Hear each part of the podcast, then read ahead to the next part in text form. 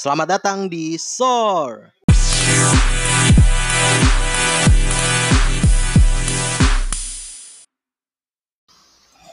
Halo, halo, halo. Selamat pagi, siang, sore, malam buat semua yang masih setia dengerin podcast SOR ini.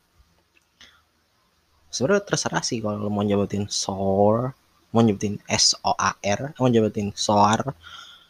It's up to you. Gua nggak ada tuntutan kalian untuk nyebutnya yang benar atau yang salah karena nggak penting-penting amat gitu ya yang penting kan esensinya adalah ketika kalian mendengarkannya dan bisa nyaman sampai pertengahan sepertiga tiga perempat sampai selesai ya pokoknya sejauh kalian enjoy sama podcast yang gue bikin ini apa pun kalian boleh manggilnya ya terserah lah. Terima kasih juga buat yang udah dengerin episode perkenalan kemarin. Bukan perkenalan sekali lagi bukan perkenalan ya kalau kalian dengerin sampai habis. So, ya. Jadi gimana kabarnya satu minggu belakang satu minggu kemarin gue sih berharap semuanya baik-baik baik-baik aja ya. Nggak ada yang kekurangan suatu hal apa pun. Ya kita sama-sama berjuang aja lah masih di masa pandemi ini masih di masa PSBB transisi ini khususnya di daerah Jakarta mungkin yang di luar Jakarta. Stay aware tetap laksanain protokol kesehatan sesuai dengan wilayah kalian. Yang paling umum kan yang selalu digaung-gaungkan itu ya pasti tentang 3M cuci tangan pakai masker, menjaga jarak. Sedikit mulai sekali ya kalau mencuci tangan tuh kan udah ada ya. Maksudnya udah ada prosedurnya yang dari pemerintah.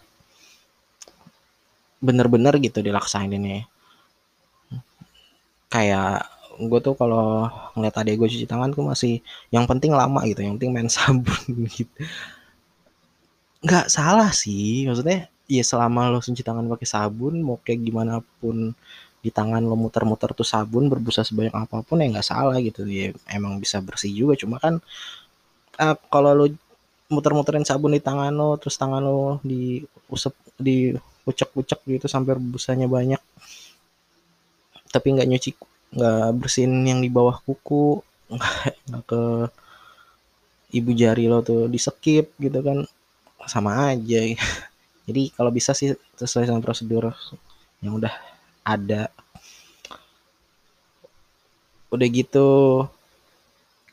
uh, seminggu kemarin mungkin nanti akan gue bahas apa yang gue lakuin seminggu, seminggu kemarin. Nggak gue sih lebih ke apa yang gue alamin apa yang gue amatin dan apa yang gue berikan opini soal apa yang terjadi itu. Tenang aja nggak berat-berat banget kok. So sampai ketemu di segmen berikutnya. Iya ini kan cuma opening gitu kan ya. Gue juga bingung gitu mau bahas apa opening. Nanya kabar udah si tahu 3M udah. Apalagi ya? Kadang tuh kalau gue tuh ngerasain dan gue flashback yang kemarin sih hilang flashback baru kemarin baru baru seminggu flashback. Ya maksudnya ya ngeriwain yang kemarin gitu. Bikin podcast sendirian itu apalagi dengan basic lo nggak terlalu kental-kental banget soal ilmu komunikasi PR dikit ya PR dikit ya kayak gue bingung harus bahas apa, harus bilang apa. Tema buat minggu ini aja nih, tema buat podcast minggu ini aja nih. Baru kepikiran tuh hari Sabtu. Sebenarnya gue ada sih rencana untuk ngobrol sama temen gue yang lain. Eh, cuma mungkin belum waktunya kali ya kayak banyak sibukannya mereka masing-masing. Apalagi gue ngerekordnya kan hari Senin ya Senin malam gitu kan ini. Katanya Senin malam mungkin di uploadnya. Kalau nggak Selasa pagi siang. Iya pokoknya kisaran itu lah soalnya kalau Sabtu sama Minggu rame banget bu rame banget bener-bener rame rumah gue tuh rame banget. Kayak mungkin kalau sekarang ramenya mah suara kipas doang ya. Noise dikit sama suara kipas doang. Kalau kalau nggak pakai kipas tuh agak-agak pengap gitu ya. Makanya tolong ya tolong banget nih. Nggak bercanda. Nggak nih soal ikhlasnya aja ya kan. Kalau lihat di link ada link gitu kan di bio Spotify. Kalau gue ngeliat sih kemarin banyak yang dari Spotify kalau yang di Anchor juga sama gitu kan. Tinggal diklik aja gitu yang saweria.co slash saweria gitu. Makasih loh buat yang bersedia klik ngeklik doang tapi sih banyak. Boya donate itu loh. sepuluh ribu aja apa-apa sepuluh ribu cukup gitu buat nyicil lebih kayak nyawa apartemen kan. Buat canda. Ya pokoknya segitu aja dulu buat openingnya kita lanjut ke segmen selanjutnya setelah ini!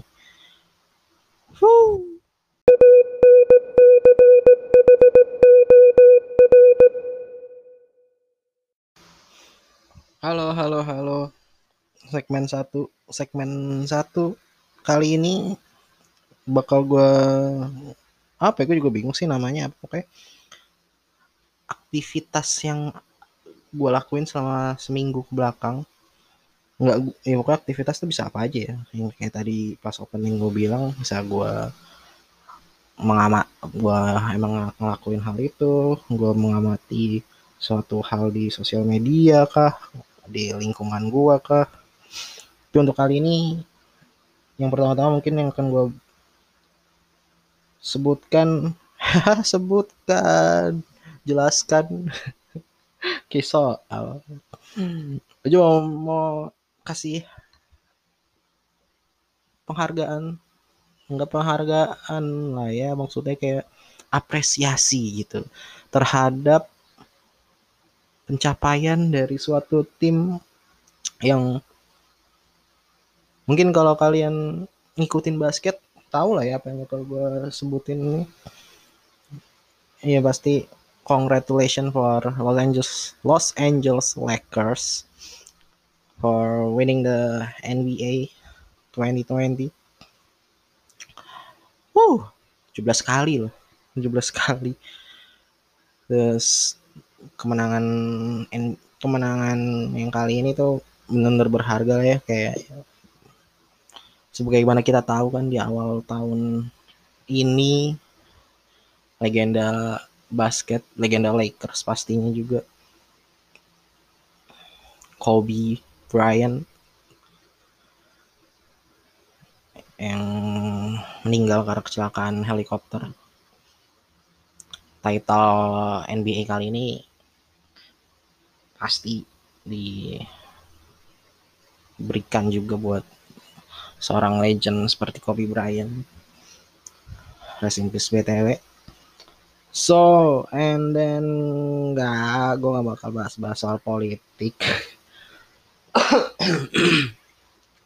seminggu kemarin ya, seminggu kemarin ya podcast gue yang episode 00 baru rilis. Mungkin kalau ada yang belum dengar, yang baru dengar pas episode pertama ini, bisa mundur dulu buat kenalan dalam tanda kutip kenalan terus oh iya waktu tanggal 13 Oktober kemarin lumayan menggemparkan juga karena Cristiano Ronaldo terjangkit atau hasil tesnya hasil tes COVID-nya positif setelah itu kan kalau gua nggak salah inget itu 13 13 dia tes lalu hasilnya positif tanggal 11 atau tanggal 12 nya gitu. Baru selesai UEFA Nations League lawan Prancis. Itu kalau lu lihat atau lu ikutin Instagram main-main timnas Prancis tuh kayak Mbappe, kayak Kamavinga, kayak Benjamin Mendy, uh, ngupdate semua bos. Duel lagi duel sama Ronaldo. Bahkan Kamavinga dapat jersinya Ronaldo kan tuh ya. Jersinya Ronaldo abis main gitu bener abis main bukan yang jersey cadangannya. Kan tiap pemain bola tuh pasti punya tiap pemain bola di tiap satu match tuh jersinya nggak cuma satu minimal tiga atau dua lah gitu. Itu yang dikasih ke Kamavinga itu Edward Kamavinga itu pemainnya Rene ya? Eh gue gue kurang ingat. Pemain muda dari Prancis dikasih tuh nggak tahu dikasih atau tukeran jersey sama Ronaldo terus dibikin entah itu Snapchat atau Instastory ya. Captionnya tuh artinya caption dalam bahasa Perancis artinya tuh baju ini nggak bakal nggak bakal dicuci. Lucunya adalah setelah caption eh setelah uploadan story atau snapchatnya itu naik beberapa hari kemudian kan Ronaldo positif. Menjadi pertanyaan netizen kebanyakan adalah itu bajunya tetap tetap nggak dicuci lo yakin nggak mau nyuci? Kayak ya itu emang dari superstar gitu ya. Cuma yakin tuh nggak dicuci. Gue tapi gue yakin pasti sekarang udah dicuci sih sama Kamavinga ya. Masa iya dia segitu nggak pedulinya kayak nggak boleh. Yang nongkrong nongkrong gitu. Heran sih masih ada aja gitu. Seminggu kemarin juga gue ngeliat itu beberapa teman bahkan beberapa teman-teman gue gitu ya. Upload story lagi nongkrong astaga. Ya udah gitu. Apa ya? Ya udahlah gitu terserah lu pada dah gitu. Kalau tiba-tiba ngupload story lagi di ya tempat-tempat yang di yang ditunjuk sama pemerintah. Bukan sebagai lu bekerja gitu ya, tapi lu sebagai yang tiduran di sana gitu ya gue mah cuma bisa ngirim doa aja dah. Gue tau banget kalau ditegur tuh pasti alasannya adalah kita duduk jauh-jauhan kok. Kita duduk di tempat yang udah di nggak di yang udah disediain kok. Nggak mepet-mepet. Kita jalan-jalan juga jaga jarak pakai masker. Iya tapi lu jaga jarak ibarat nih lu berempat jaga jarak nih. Satu meter satu dua meter masing-masing. Dua meter dua meter dua meter masing-masing gitu. Set set set dua meter. Lah orang-orang yang berempat berempat lainnya yang bergrup bergrup lainnya juga jaga jarak gitu. Dua meter dua meter dua meter.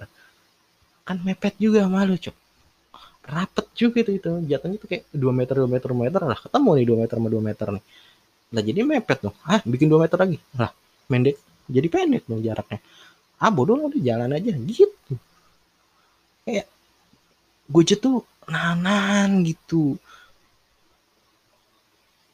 Diajakin nongkrong diajakin main diajakin ngumpul nanan nggak ada duit. Bukan bukan. Nggak ya itu karena gitu gitu aduh gue mau bahas di sini ntar aja deh ya di yang inti episode dari kali ini gitu. Nanti. Ada pokoknya nih ini akan ke arah sana gitu. Pokoknya seperti yang kalian lihat di judul tuh itu kasusnya tuh mengarah ke sono gitu. Yang sebenarnya nggak perlu lu ambil tapi lu ambil dan jadiin itu bahan bakar lu untuk ngadepin orang lain gitu Oke balik lagi seminggu yang kemarin. Seminggu yang kemarin tuh gue ngeliat btw di Twitter ya. Karena gue lebih aktif di Twitter. Jangan lupa follow at it's me dry i t s m e d r y ya. kalau ada yang mau follow ya follow aja. Follow back mention. Oh iya.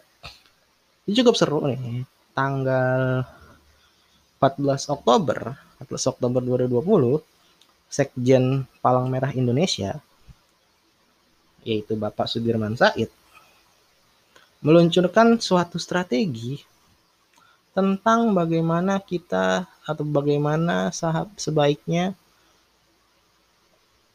kita semua mau itu rakyat biasa, pejabat setingkat, kelurahan, kecamatan, pejabat tinggi daerah, pejabat tinggi nasional, segala macam untuk mengikuti suatu strategi yang dinamakan strategi JKT48. Ini gue nggak bercanda ya, lu searching sendiri lah ya. Ini gue bacain dikit headline-nya ya. Sekreta Sekretaris Jenderal Palang Merah Indonesia Pusat Sudirman Said meluncurkan strategi JKT48 berkelanjutan sebagai upaya dan langkah lembaga ini membantu pemerintah dalam penanganan pandemi COVID-19. Kata Bapak Sudirman Said waktu seminar daring seminar daring kelompok diskusi dan kajian opini publik Indonesia strategi JKT48 artinya jaga jarak hidung, mulut, dan tangan kita dari virus dengan rajin mencuci tangan, kemudian kolaborasi dan tes tracing serta treatment. Menurutnya pada masa pandemi COVID meminta berbagai pihak untuk berhenti saling menyalahkan segala macam bla bla bla bla bla. Ada empat pihak yang bla bla bla bla bla bla. Pokoknya intinya inti inti dari strategi JKT48 itu yang pertama J. J itu jaga. K itu kolaborasi. T itu tes tracing serta treatment. Empat itu maksudnya empat pilar empat pilar itu apa aja menurut Pak saya itu negara, komunitas, korporasi, dan institusi pendidikan. Sementara delapannya itu merujuk ke delapan program yang selengkapnya bisa kalian baca di artikel dari Antara News di tanggal 14 Oktober 2020. Ini atau kalau kalian mau gampangnya tuh langsung aja ke Twitter gue 4 atau lima hari yang lalu lah kalau kalian lihatnya pokoknya 14 Oktober aja. Atau search di Google gitu Sekjen PMI terus JKT48 kalau mau nyarinya JKT48 sama Sekjen PMI strateginya maksudnya. Kalau mau nyari JKT48 ya ya. Habis itu oh iya. Pas tanggal tanggal 14 Oktober juga eh tanggal 15 maksudnya. Tanggal 15 Oktober 2020 itu memperingati berapa tahun ya? Hmm, 2017 oh tiga tahun yang lalu. Tiga tahun yang lalu uh, legenda salah satu mungkin bisa legenda kali ya. Walaupun main di timnasnya nggak sering. Kayak kalau kalian sebutin kiper timnas Indonesia pasti yang di benak kalian pertama kali itu untuk yang kekinian itu kayak Kurnia Mega, Andri Tani, uh, siapa lagi? Satria Tama mungkin gitu gitu. Tapi kalian mungkin lupa sama yang namanya udah mulai lupa sama yang namanya Khairul Huda, kipernya Persela yang waktu itu meninggal karena karena lidahnya tertelan ya. Abis tabrakan sama pemain gue lupa main klub mana waktu itu yang lagi main lawan Persela. Uh, benturan sama Khairul Huda. Lidahnya tertelan. Gue pokoknya kayaknya sih gitu ya. Correct me if I'm wrong. Benturan penanganannya kurang tepat. Harus meregangkan nyawa tapi nggak di lapangan sih. Dibawa ke ambulan lalu rumah sakit berpulang. Untuk yang ngikutin sepak bola Indonesia juga kehilangan juga lah ya walaupun lo bukan fans Persela gitu walaupun lo fans klub mana pun gitu Persipura lah Persija Arema Persib Persita Persikota Pers Persiraja. Gue yakin pasti saat itu lo juga ikutan merinding lo juga ikutan sedih apalagi pas lagunya sampai jumpanya lagunya sampai lagunya Endang Sukamting jelas sampai jumpa dia nyanyiin di stadion Surajaya waktu itu. Uh, merinding banget pastinya. Ya Rens Rest juga buat Hoirul Huda. Cak Huda oh, ya. um, gitu main oh iya. Mungkin yang lainnya mungkin nanti aja ya. Uh, aduh gue males kalau yang nyebut. Udahlah biarin aja yang eh tau lah ya lo ada dulu waktu itu uh, sempat rame di Twitter, di Instagram, di sosial media, di media masa online, TV segala macam mungkin. Yang salah satu aktris bertalenta dan cukup sukses di usianya gitu. Mantan aduh males nyebutnya oke gitu lah. Pokoknya ya tau lah tadi udah disebutin mantan dari mana gitu. Mantan mantan dari salah satu grup yang tadi gue sebutin di awal-awal. Udah muncul kan ya udah udah udah mulai aktif lagi kan sosial media setelah kasusnya yang itu terus muncul di podcastnya CXO Media. Cerita macem-macem sama Mbak Putri Tanjung. Seperti biasa menurut gue ya. Uh, eh, gue nggak ngerti sih ya kenapa kebanyakan ya gue bilang kebanyakan kebanyakan uh, para influencer atau kalau saya dibilang ini selebritis ya public figure lah gitu mereka tuh siklusnya kalau kalau kalau nih ini public figure yang agak-agak apes gitu ya. Siklusnya gini. Terkenal pasti dong kan public figure. Terkenal kesandung masalah diserang netizen sosial medianya di break dulu semuanya hapus kosong DP item gitu ya segala macam tuh postingan hide hide comment hide comment gitu. Bio juga kalau bisa hapus hapus gitu ya bersihin dulu gitu. Break sosmed abis itu ya break sosmed ya dua minggu tiga minggu sebulan lah ya. Udah mulai ngeliat-ngeliat oh ini kayaknya udah pada udah adem nih udah adem nih netizen udah adem nih udah udah kena sama kasus-kasus yang lain baru muncul lagi. Muncul lagi tuh pasti jadi banyak gitu yang dukung. Eh hey, congrats. Eh congrats kok. Eh hey, semangat. Semangat ya semangat terus. Wah segala macam itu pasti semangatin aja terus ya. Gue sih udah bosan dengar kata-kata semangat ya hari ini semangat ya hari ini. Kok nggak kok nggak disemangatin? Emang kenapa gitu? Emang lu dapat semangat cuma dari public figure gitu? Lanjut. Gitu siklus ya udah udah udah nyaman nih udah dapat lagi nih posisi dia ini udah baru nih kan posisinya kayak uh, abis keserang nih I'm new, I'm new, I'm new gitu kan ya. Muncul ke podcast, kalau nggak podcast Om Deddy, podcast podcast podcast yang lain lah yang pokoknya di benak mereka tuh kalau di podcast tuh kan bisa ngomong macam-macam gitu ya. Ya terserah lah ya. udah udah di, di podcast nah betul kan di podcast CXO Media itu yang udah dikutip sama detik.com dia bilang beberapa poin yang bisa buat yang bisa ditangkap adalah dia merasa nggak punya privacy satu. Kedua dia merasa terlalu netizen terlalu membesar-besarkan.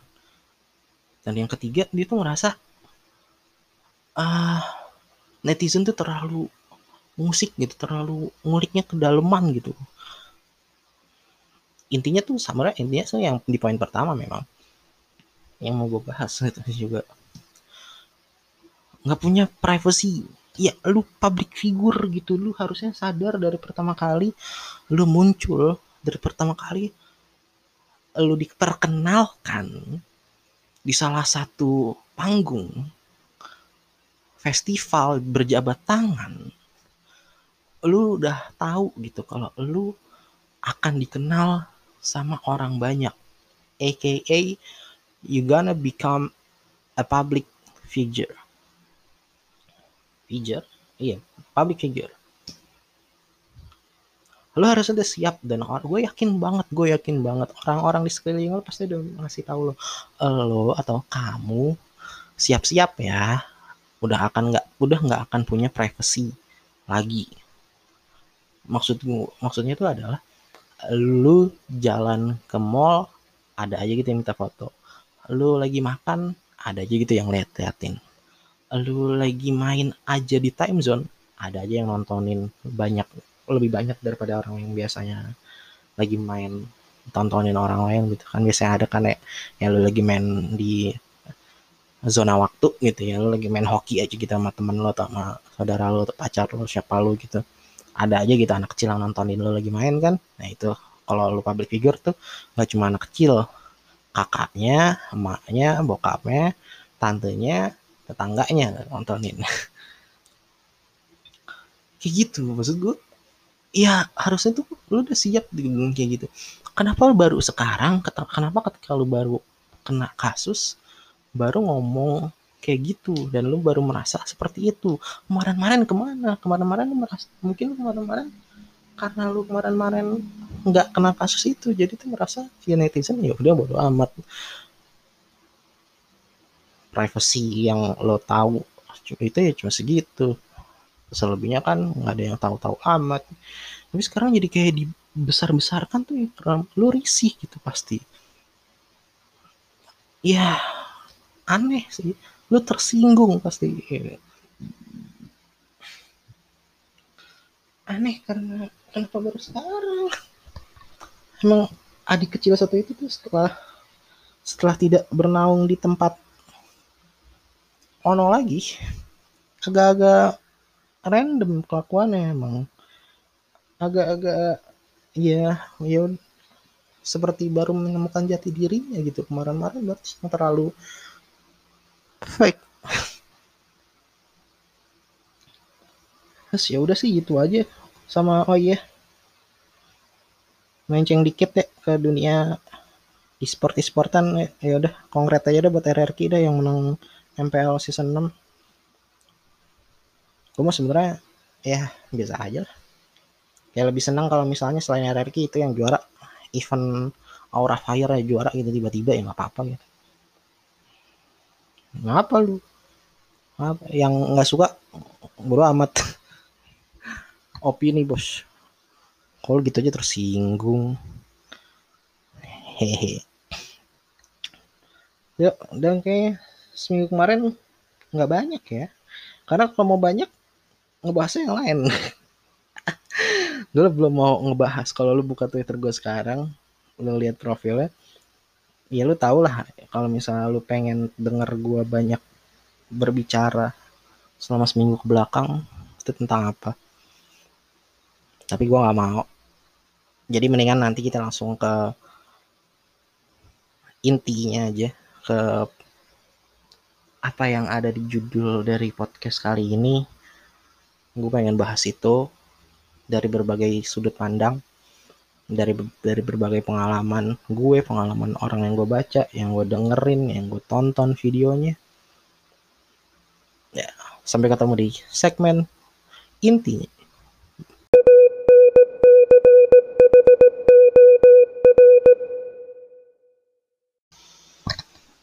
Oke, jadi ini segmen inti ya. Dari yang udah kalian baca di judul, emang nggak to the point langsung gue jelasin apa. Cuma definisi singkatnya doang yang di judul kebalikan. Iyalah biar kepo. Nggak. Eh jadi sesuatu yang enggak ya sesuatu tuh yang ada. Cuma itu tuh nggak dikasih. Tapi lu yang ambil gitu. Kalau kita bahas itu per kata atau per kalimat satu kalimat itu. Udah pasti kan di gambaran kalian tuh kayak misalnya kalian punya buku buku kesayangan kalian gitu kan. Itu kan ada ada aja gitu ditaruh di kamar kalian gitu. Di kamar lo. Enaknya kalian apa lu sih? Lo aja deh di kamar lo. Lo punya buku gitu atau lo punya makanan atau lo punya apa gitu yang emang kesukaan lo atau punya lo. Yang lo taruh di kamar lo atau di, di rumah lo. Itu kan ada di sana. Terus ada orang lain nggak usah temen deh. Adik lo atau kakak lo atau orang tua lo gitu ngambil itu. Bukan sesuatu hal yang baik juga bukan? Maksudnya kita kesampingkan nilai di mana ya keluarga itu adalah orang terdekat dari kita. Kita kesampaikan itu dulu. Kita definisikan mereka tuh orang lain orang selain diri lo sendiri. Barang tersebut kalau kita kalau udah diambil sama orang lain itu kan opsinya dua apa apa sama keluarga itu itu kan opsinya dua buat kita sendiri. Entah kita merasa marah atau ya udah gitu minjemin aja. Ya udah pakai aja ya udah makan aja gitu. Dengan syarat misalnya gitu dengan syarat atau tanpa syarat gitu. Kalau dengan syarat tuh misalnya ya jangan banyak banyak. Aku belum makan juga gitu misal kalau makanan. Atau kalau buku baca aja lama-lama aku belum selesai bacanya. Kan bisa gitu kan. Tapi yang mau gue bahas di sini tuh sesuatu yang ada tapi nggak dikasih ke lu. Tapi lu yang ambil. Ya adalah ketersinggungan. Atau tersinggung lah lebih singkat lebih detail ya eh lebih detail ya. Lebih umumnya. Di sini kalau gue baca sedikit tadi gue sempat baca sih ya. Dari salah satu artikel milenialis.id yang ada di milenialis.id buat dari Kak Khodadat Azizi, mahasiswa jurusan Akidah dan Filsafat Islam UIN Ciputat. Ketersinggungan adalah salah satu topik dan fenomena yang sangat menarik untuk diulik karena banyak alasan, namun salah satu di antaranya adalah karena random.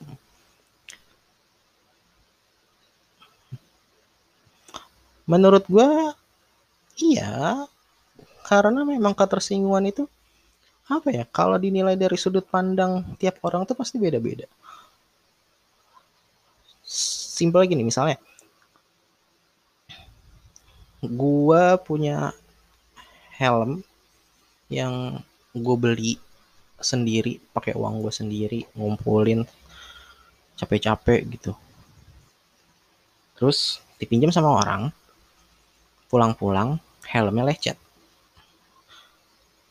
Orang tersebut bilang kalau helm gue jatuh lek helmnya bodinya lecet kacanya kegores. Kalau gue ngambil opsi untuk tersinggung untuk merasa terhina misalnya. Gue pasti marah-marah sama orang tersebut. Cuma biasanya dengan orang-orang yang masih memiliki pemikiran yang jernih, masih memiliki sikap dan sifat yang baik serta dewasa, mikirnya pasti ya udah sih cuma helm ini kok. Masih bagus helmnya doang gitu yang lecet. Temen lu atau orang ini nggak kenapa-napa gitu. Ya udah mungkin dia juga nggak sengaja juga udah udah nggak sengaja terus juga tetap minta maaf ya udah gitu biarin aja nggak usah marah-marah ya lecet dikit bisa lah dipoles pakai apa tuh yang buat body motor atau bisa juga buat ngilangin lecet di helm gitu bisa lah ya kalah kalin gitu. Kaca gores ya udah. Ganti. Kalau nggak punya ya udah nggak apa-apa. Selama lo masih bisa ngelihat dari dari kaca helm tersebut mah ambil sisi positifnya aja. Nah itu. Ambil sisi positifnya aja gitu. Karena sekali lagi yang gue mesti tekankan di podcast kali ini ketersinggungan itu diambil bukan diberi. Offense is offense is taken not given. Gue tuh sering banget apalagi di era entah kenapa ya di era PSBB ini di masa pandemi ini. Mungkin karena orang-orang lebih sering di rumah jarang keluar jarang ketemu sama orang lain jarang bersosialisasi ketemu orang itu itu aja. Kalau bersosialisasi lewat sosial media aja. Jadinya tuh ada gitu maksudnya? Buka sosial medianya ya udah gitu yang yang kayak apa situs-situs yang entah nyebarin berita uh, random serandom apa pun itu gitu nggak ngerti gitu. Pokoknya yang bikin otak orang-orang yang kayak gitu merasa dikit-dikit pernyataan ini nyinggung nih pernyataan ini nyenggol ini nih. Nggak bisa nih kayak gini nih. Ini, ini mesti dibela bisa-bisa nih. Masa ada orang yang begini-gini ngasih ngejelekin si ini ini ini gini gini gini sih? Nggak bisa nih harus dibela nih. Orang-orang kayak gitu gue nggak ngerti sih. Gue nggak ngerti banget di mana lu ngapain begitu? Orang salah satu contohnya tuh bang Radit gitu yang pernah kena nggak kesandung kasus hitungannya nggak kesandung kasus karena nggak ditayangin di infotainment ya. Sorry bang Radit. Nggak you're not famous like another celebrity.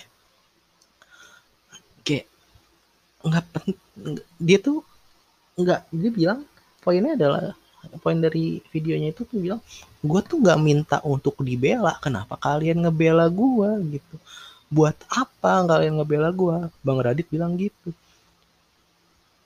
Ini kan jadi kayak orang-orang tuh kenapa orang-orang lebih tersinggung daripada si tokoh ini sendiri gitu?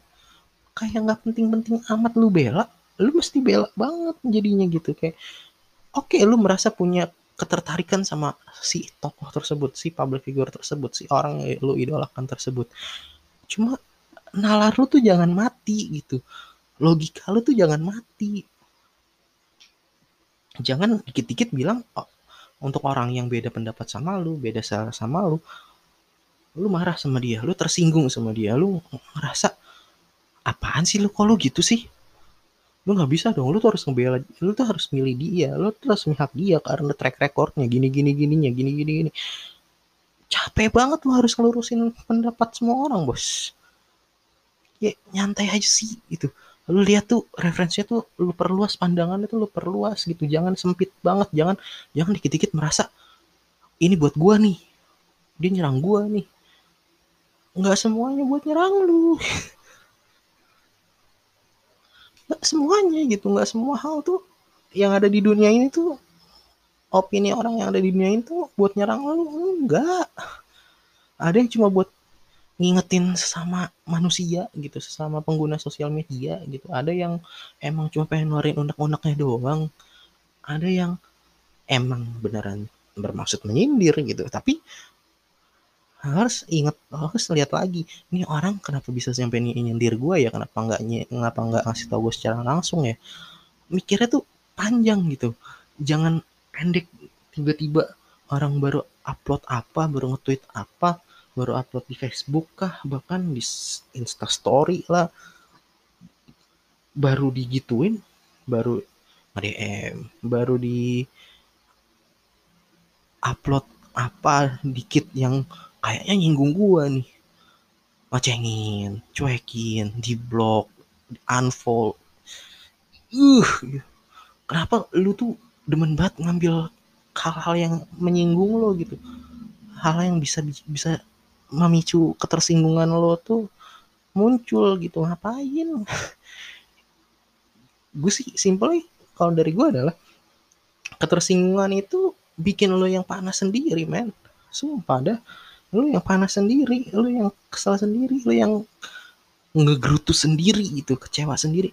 Kenapa dia nyindir kenapa dia ngomong begitu ya? Ah nggak bisa nih kayak gue orang gue nggak salah apa apa kok udahlah nih anjing nih. Orang bangsat nih tuh. Gue blok aja gue blok aja enggak gitu. Capek banget gitu. Ngeladenin atau ngeliatin orang yang gampang tersinggung. Contoh nih contoh contoh nih. Beberapa bulan yang lalu? Gue denger gue dapet cerita nih dari teman gue. Dia dikeluarin dari grupnya. Grup chat. Karena dia mengunggah sebuah instastory yang dia bilang tuh pakai kata ganti bukan nama orang tapi kata ganti orang ketiga gitu intinya tuh dia nggak suka sama kelakuan orang-orang yang dia maksud itu di instastorynya. Tetapi sama salah satu grup chat diartikannya si si kita, kasih nama aja si pandai ini eh si pandai jangan. Masih nama bukan ngasih sifat? Bukan. Si Pitra ini nyerang grup yang isinya orang-orang yang waktu lagi masa transisi itu bikin suatu event. Sementara dari si Petra ini maksudnya adalah dia nggak pengen orang lain itu ngelakuin atau merencanakan kegiatan di masa pandemi ini di masa pandemi pandemi mau itu transisi mau itu psbb ketat gitu. Tapi emang pakai kata ganti kata ganti kata ganti kata ganti teman-teman. Udah dia, dia kayak gitu. Tujuannya balik lagi. Kalau lu dengerin lagi dia tuh nggak bermaksud cuma untuk ngingetin teman-teman dia bermaksud ngingetin teman-teman dalam kata dalam kutip tanda kutip ya orang lain yang lihat storynya karena apa pun yang diupload ke sosial media itu dilihat bukan cuma sama circle following atau followers doang semua orang bisa ngelihat story lo selama Instagram lo nggak di private. Orang-orang yang ada di grup chat ini marah sama si Pitra. Segala macam argumen dikeluarin. Wah, nggak argumen sih lebih ke cacian, makian.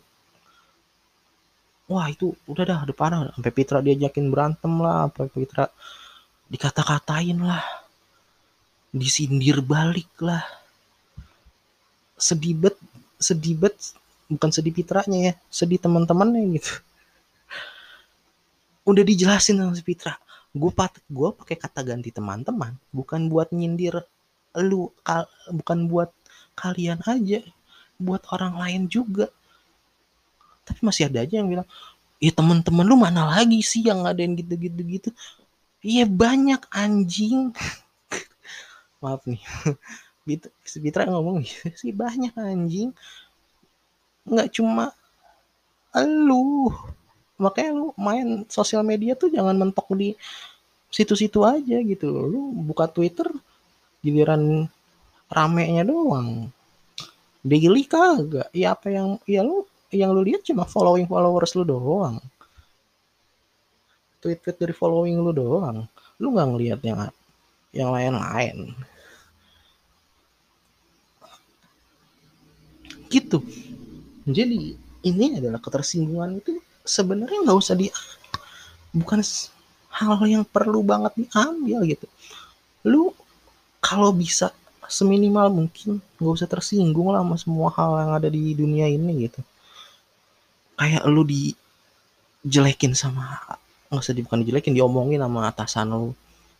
Ya lu terima aja maksud gua diomonginnya tuh kan nggak sampai ngatain fisik lo nggak ngatain kepercayaan lo nggak ngatain keluarga lo nggak ngatain warna kulit lo selama nggak dikatain atau nggak menyebutkan hal-hal tersebut ya lu nggak usah tersinggung. Event agama pun yang maksud gue kalau cuma diomongin cuma cuma nyebutin agamanya aja gitu nggak yang sampai ngejelek-jelekin agama tersebut agama yang lu percaya gitu nggak usah tersinggung banget lah. Maksud gue kalaupun lu tersinggung kalau soal agama ya kalaupun lu tersinggung soal agama atau soal soal kepercayaan lu lu kanter dengan cara yang baik. Tunjukkan kalau agama atau kepercayaan itu baik sehingga orang-orang yang meng meledek ataupun menjelekkan agama lo itu tuh dia salah ngeledek atau ngebecandain atau menyinggung agama lo tersebut atau kepercayaan lo tersebut gitu. Jangan dengan cara yang kasar gitu. Dengan jangan dengan cara yang udah dia ngatain lu katain balik. Udah lu dikasih api lu balas pakai api kebakaran yang ada. Kalau lu dikasih api lu siram pakai air keras bukan. Pakai air bening gitu. Biar adem jadinya. Heran gue sih orang-orang yang gampang banget tersinggung gitu. Gue tuh kan gue tuh dulu iya gue tuh ngerak dulu gue juga orang gampang tersinggung gitu. Kayak dengan gue dikatain nama orang tua aja gue bisa tersinggung gitu. Padahal waktu zaman SD emang zaman zamannya begitu ya. Tapi gue dikatain nama orang tua gue diplesetin. Kan nama bokap gue Onin. Diplesetin sama teman-teman gue tuh bahasa Inggrisnya bawang. Onion. Jadi orang jadi bocah-bocah SD gue dulu tuh ngatain gue tuh ah bawang bawang bawang. Wah anjir anjir. Nggak emosi. Gue dulu gue dulu emosi tuh kayak gitu. Anjir bohong enak aja lu bohong bohong bohong. Gue nggak gue bawa bawang. Dulu nggak ada dulu nggak ada istilah wibu bawang ya. Lagian ada aja istilah wibu bau bawang. Lu wibu wangi wangi anjir. Apalagi yang cewek wangi anjir. Lu lu salah pergaulan lu kalau taunya wibu bau bawang doang lu. Oke balik. Katain gitu singgung gue bisa pernah tuh gue sampai gue cerita gitu sama orang tua gue bokap gue inget banget bokap gue tuh bokap, bokap gue tuh bilang ya kalau kamu dikatain katain balik udah selesai kan kenapa malah jadi kamu yang kalah gitu? Kenapa kamu jadi yang nangis? Ya katain balik. Emang kenapa? Kalau mereka ngajakin sampai ngajakin berantem gitu ya udah lawan aja. Nih jangan di contoh ya jangan contoh. Maksudnya ini kasar. Ini contoh kasar gitu. Maksudnya itu kalau yang gue ambil sekarang adalah ya kalau dia ngelempar kalau dia ngeledek lu ya lu jangan kecemen gitu. Lawan.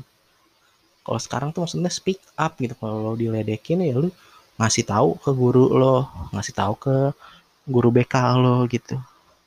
Kalau ada kalau di kampus ya kalau di kampus mah dewasa dewasanya lo aja lah gitu. Atau kalau emang nggak kuat kalau di kampus udah gituin ya lo konsultasi gitu sama psikolog. Kalau dulu kan di SD SMP SMA kan masih ada guru BK gitu. SD masih ada wali kelas lo kayak gitu gitu jadi jangan kalau lu daripada lu ngambil opsi lu untuk tersinggung mending lu speak up gitu. Speak up itu ya dengan cara yang baik juga ke arah ke dengan cara yang baik ke orang yang benar dan kalau emang lu tersinggung cuma sama satu orang iya ngomong aja satu lawan satu lawan satu gitu. Jangan satu lawan banyak jangan jangan jadiin satu orang yang menyinggung lo ini ditarik ke perkumpulan di maaf nih anjing-anjingin gitu rame-rame. Ya, lu cemen namanya kalau kayak gitu. Lu cemen. Lu rame-rame soalnya dia sendiri. Emang mending sendiri ini langsung lemah. Kalau sendiri ini malah makin tegar makin makin ngelawan dalam tanda kutip ngelawan gitu. Lu yang cemen dong berarti. Udah cemen gak minta maaf ya? Udahlah lewat lu. Gitu sih jadi pesan gue sih udahlah gitu. Ini hidup kita hidup lagi di zaman yang susah gitu. Mendek kalau gue nggak tahu sih. Gue nggak mau ngomong kalau kita hidup udah mendekati ke zaman krisis moneter. Karena gue waktu krisis moneter ya gue masih satu tahun mana ngerti gitu gue cuma yang mau gue pesanin ya jangan jadi orang yang gampang tersinggung gitu jangan sering-sering ngambil opsi untuk tersinggung gitu. Lu tuh boleh tersinggung dari hal-hal yang tadi gue sebutin. kalau udah nyebutin kalau orang yang beropini itu udah nyebutin soal warna kulit lo udah nyebutin soal kepercayaan lo so nyebutin itu nyebutin hal negatif ya udah nyebutin soal keluarga lo udah nyebutin soal fisik lo. Kalau udah kayak udah kerana personal seperti itu baru lo ngomong baru lo speak up baru lo ambil sedikit ngambil opsi tersinggung lo itu. Di luar daripada itu kalem aja gitu. Kalem aja terima aja dulu baru lo kelola rasa tersinggung lo yang udah sempat lo ambil itu jadi uh, suatu apa ya bisa dibilang kayak awareness buat diri lo sendiri aja gitu. Nggak usah nggak usah lu kantor balik dulu gitu kayak ya udah orang cuma ngatain kinerja lo orang cuma ngatain kegabutan lo orang cuma ngatain kejombloan lo ya biarin aja gitu. Lu tersinggung akan hal itu sebenarnya ya nggak penting-penting banget. Cuma kalaupun lo mau ngambil apa kayak lu saking males mikir jernihnya tuh ak akhirnya lo ambil gitu opsi tersinggung lo kalau lo dikatain jomblo gitu tapi harus dipikirin lagi ya lu jomblo itu kenapa? Lu jomblo karena emang belum ketemu sama pasangan lu jomblo karena emang prinsip lo sampai nanti lo sukses baru pengen punya pasangan atau lu jomblo emang nggak ada yang mau. Pokoknya kalau bisa nggak lah ya kalau bisa menurut gua diketawain aja sih kalau orang-orang lagi ngatain lo atau lagi nyindir lo atau lagi nyinggung lo ketawain aja gitu make it fun bikin itu jadi suatu hal yang menyenangkan aja lucu aja gitu. Ketawain aja bareng-bareng kayak misal ah jomblo lo pasti nggak ada yang mau ya. Iya bener. Kalau tahu sih? Uh, cariin dong. Gituin bales aja gitu. Cariin dong. Daripada ngatain gue doang nih nyariin. Gimana lebih memanfaatkan daripada lu cuma ngatain gue doang. Gitu kan bisa lu balas gitu. Ya udah gitu aja kayaknya. Nggak mau lama-lama sih gue untuk yang yang episode kali ini. Lama sih cuma ya semoga kalian nggak bosen sih ya dengernya. Kalau gitu gue cabut. Sekian. Assalamualaikum warahmatullahi wabarakatuh. Selamat pagi siang sore atau malam. Jangan lupa klik link saweria yang ada di bio tolonglah biar gue tuh record bisa semangat dengan equipment yang bisa lebih baik. Lah kayak youtuber banget. Nggak canda bercanda. Gue net seikhlasnya nggak usah terasa nggak usah terpaksa. Gue cuma ngasih fasilitas doang bagi yang mau kok. Oke. Terima kasih. Sampai ketemu di episode minggu depan